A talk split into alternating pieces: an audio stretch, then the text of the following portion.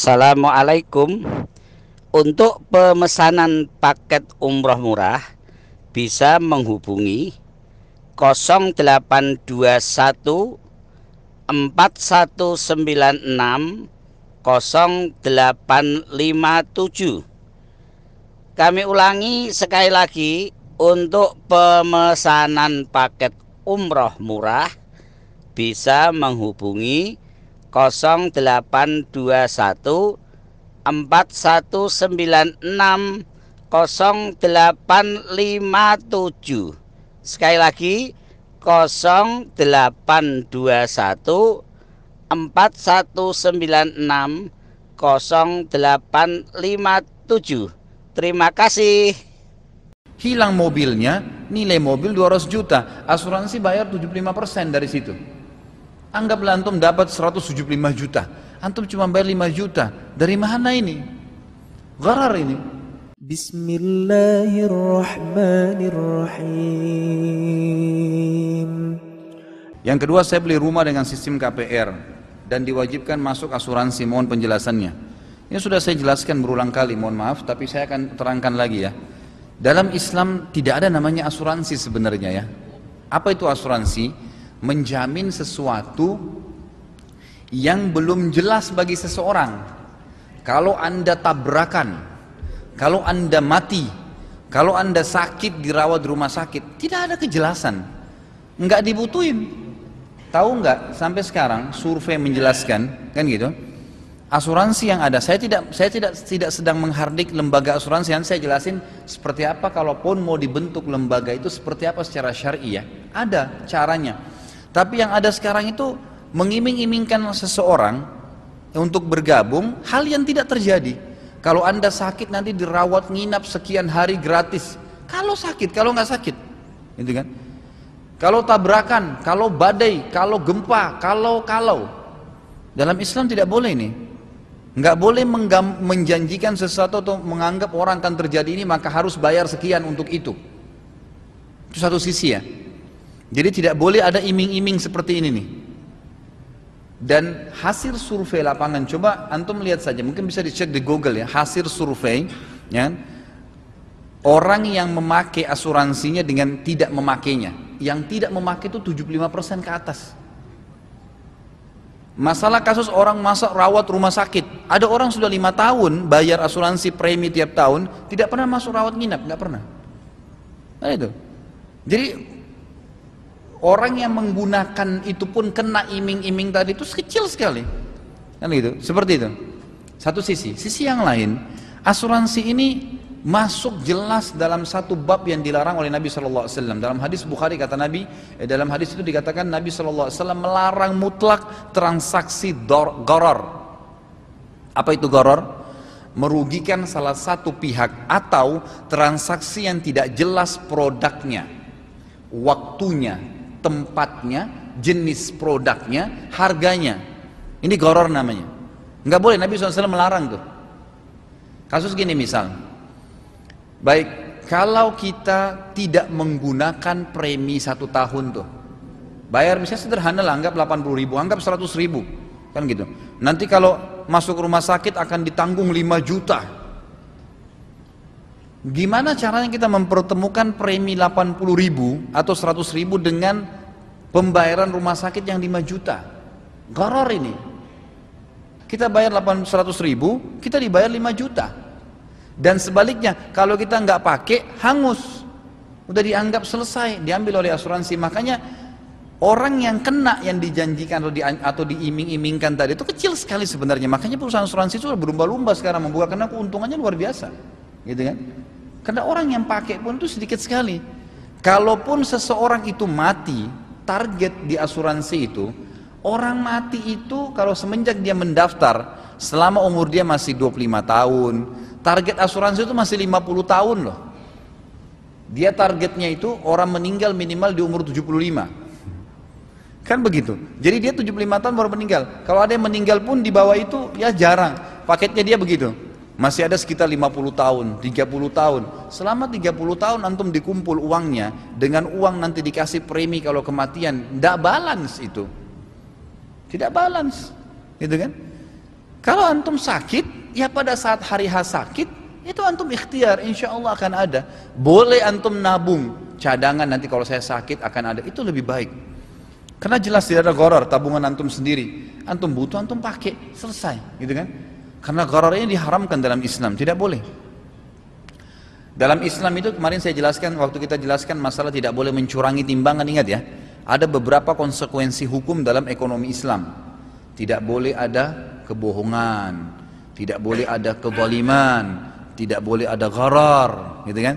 Tidak boleh ada ya manipulasi, semua harus transparan, gitu ya. Semua harus ada kejelasan. Ini syarat-syarat rukun-rukun ekonomi dalam Islam. Jadi saya tidak pernah menemukan ada sisi, kalau saya pribadi ya, selalu kalau ditanya ada sisi dibolehkannya asuransi dalam Islam kalau sistem yang ada sekarang. Saya masukkan mobil saya, ores asuransi.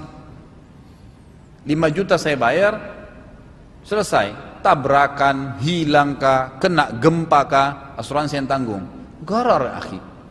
Antum bayar 5 juta, hilang mobilnya, nilai mobil 200 juta, asuransi bayar 75% dari situ.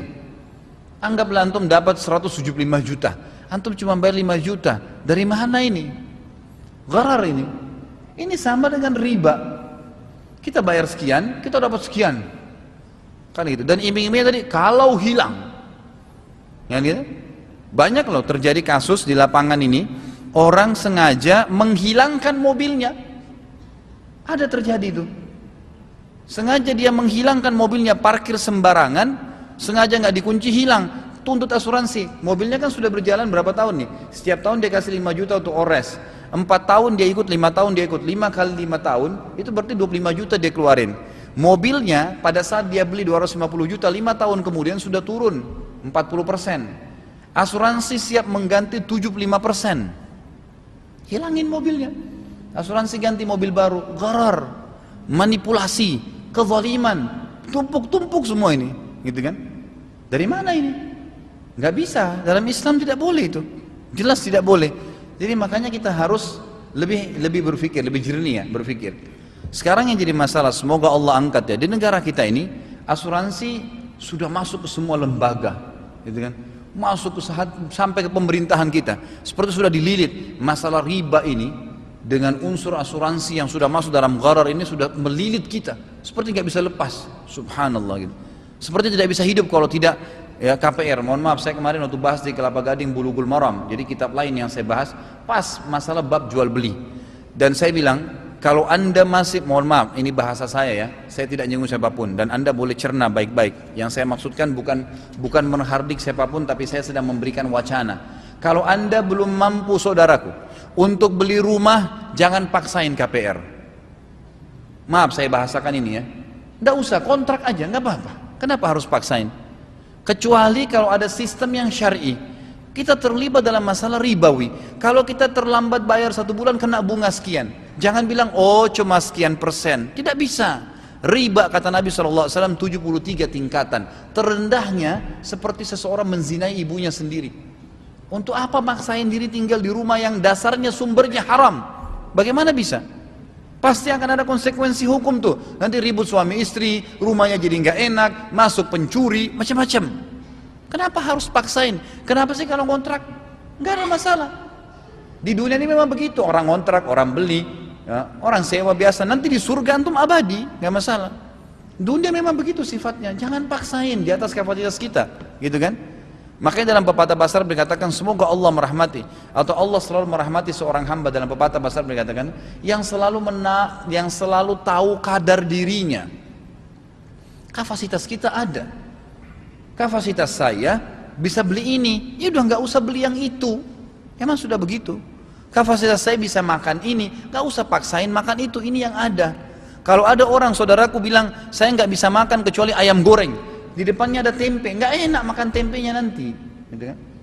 Ini yang ada sekarang Bismillah makan selesai. Satu waktu ada waktu bisa makan ayam, makan ayam selesai ringankan. Begitu kehidupan orang mukmin. Jangan paksain diri. Sampai ada seorang ibu bilang, Ustadz, kalau begitu saya tidak bisa beli rumah. Itu perkataan Anda. Nanti beberapa tahun akan datang, rumah akan naik. Ini yang jadi masalah nih. Nanti, masa depan dibicarakan sekarang. Gimana caranya?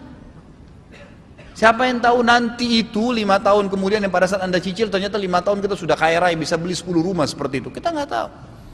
Kan gitu. Jadi jangan kurung diri kita di bingkai kehidupan yang kita buat sendiri. Yang sering saya bilang, saya, saya kalau tidak minum kopi pagi hari kepala saya pusing. Ya pusing benar kalau nggak ada kopi. Tapi kalau ada susu, ada air, ada teh, minum saja, nggak usah jadi masalah. Harus kopi nggak bisa. Saya kalau tidak nikah sama orang ini saya gila, gila bener, gitu kan? Masih banyak hamba Allah yang lain, kenapa harus dia? Nggak bisa, tidak cocok, ya sudah. Gitu kan, orang mukmin mudah saja hidup di dunia, karena dunia cuma sebentar. Cuman sebentar. Baik, lalu bagaimana bentuk asuransi sebenarnya? Kalaupun ada, kita paksakan kalimat ini. Sebagian ulama menulis namanya syarikatut ta'min dalam bahasa Arab. Tidak boleh ada gharar, sama konsekuensi. Tidak boleh ada kezaliman, tidak boleh ada riba, nggak boleh ada manipulasi. Semua ada kejelasan masalah ini. Kalau saya punya perusahaan asuransi, lalu saya mengambil misal kita ambil konsekuensi uh, asuransi mobil tadi, masalah 5 juta dibayar per bulan, per tahun misalnya preminya ores. Baik, pada saat tabrakan mobil itu, mobil anda anda ikut asuransi dalam saya, 5 juta uang sudah di store ke saya, tabrakan kena biaya 3 juta.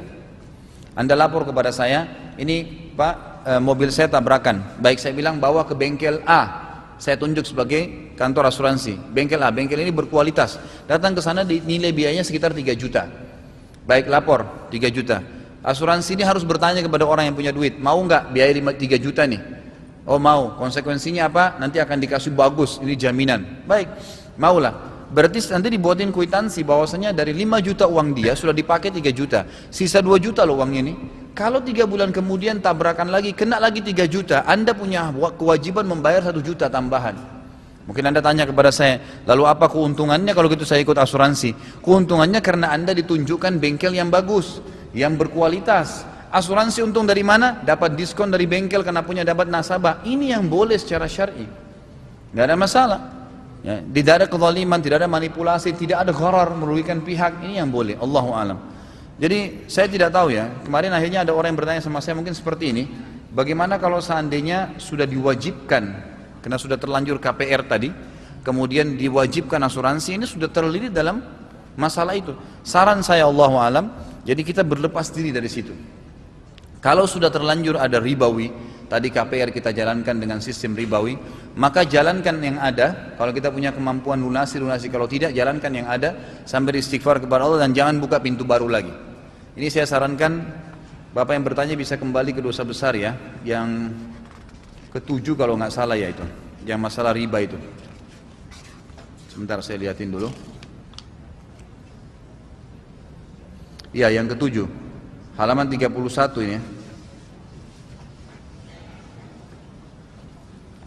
maaf pak yang bertanya bisa dipegangin dulu. Ini pak. Coba dilihat dulu dalilnya itu ya. Dosa besar ketujuh halaman 31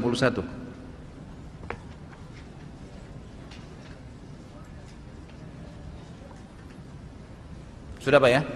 Coba dilihat di situ saya bacain ayatnya ya. Al-Baqarah 278 279 ya. A'udzu billahi minasyaitonir rajim. Ya ayyuhalladzina amanu ya ayyuhalladzina amanu taqullaha wa dharu ma baqiya minar riba in kuntum mu'minin fa in lam taf'alu fa'dhanu biharbin minallahi wa rasulih. Titik-titik. Lihat di footnote nomor 1 Pak lanjutannya. Fa in lam taf'alu fa'danu biharbin min Allah wa rasuli wa in tubtum falaku ru'usum amwalikum la.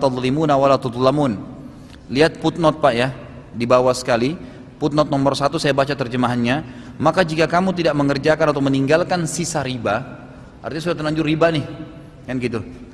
Terus kita mau buka lagi pintu riba baru, maka ketahuilah bahwasanya Allah dan Rasulnya akan memerangimu. Artinya Allah dan Rasulnya ini kalimat berat ya, akan memerangimu artinya akan menyusahkan hidup kamu. Dan jika kamu bertaubat dari mengambil riba, tidak membuka lagi pintu riba baru, maka bagimu pokok hartamu yang sudah berlalu selesai, nggak ada masalah. Ambil alih saja, gitu kan? Kamu tidak menganiaya dan tidak pula dianiaya. Al-Baqarah 279. Ya. Jadi jelas bahasanya di sini kalau sudah terlanjur maka bertobat kepada Allah Subhanahu wa taala, selebihnya jangan membuka lagi pintu riba itu Allah alam karena ini nanti akan berentetan gitu. Kalau saya sih tidak heran ya, KPR di bank ribawi kemudian direntetin dengan asuransi zulum tadi kezaliman itu sudah biasa. Karena memang kesalahan dengan kesalahan gitu.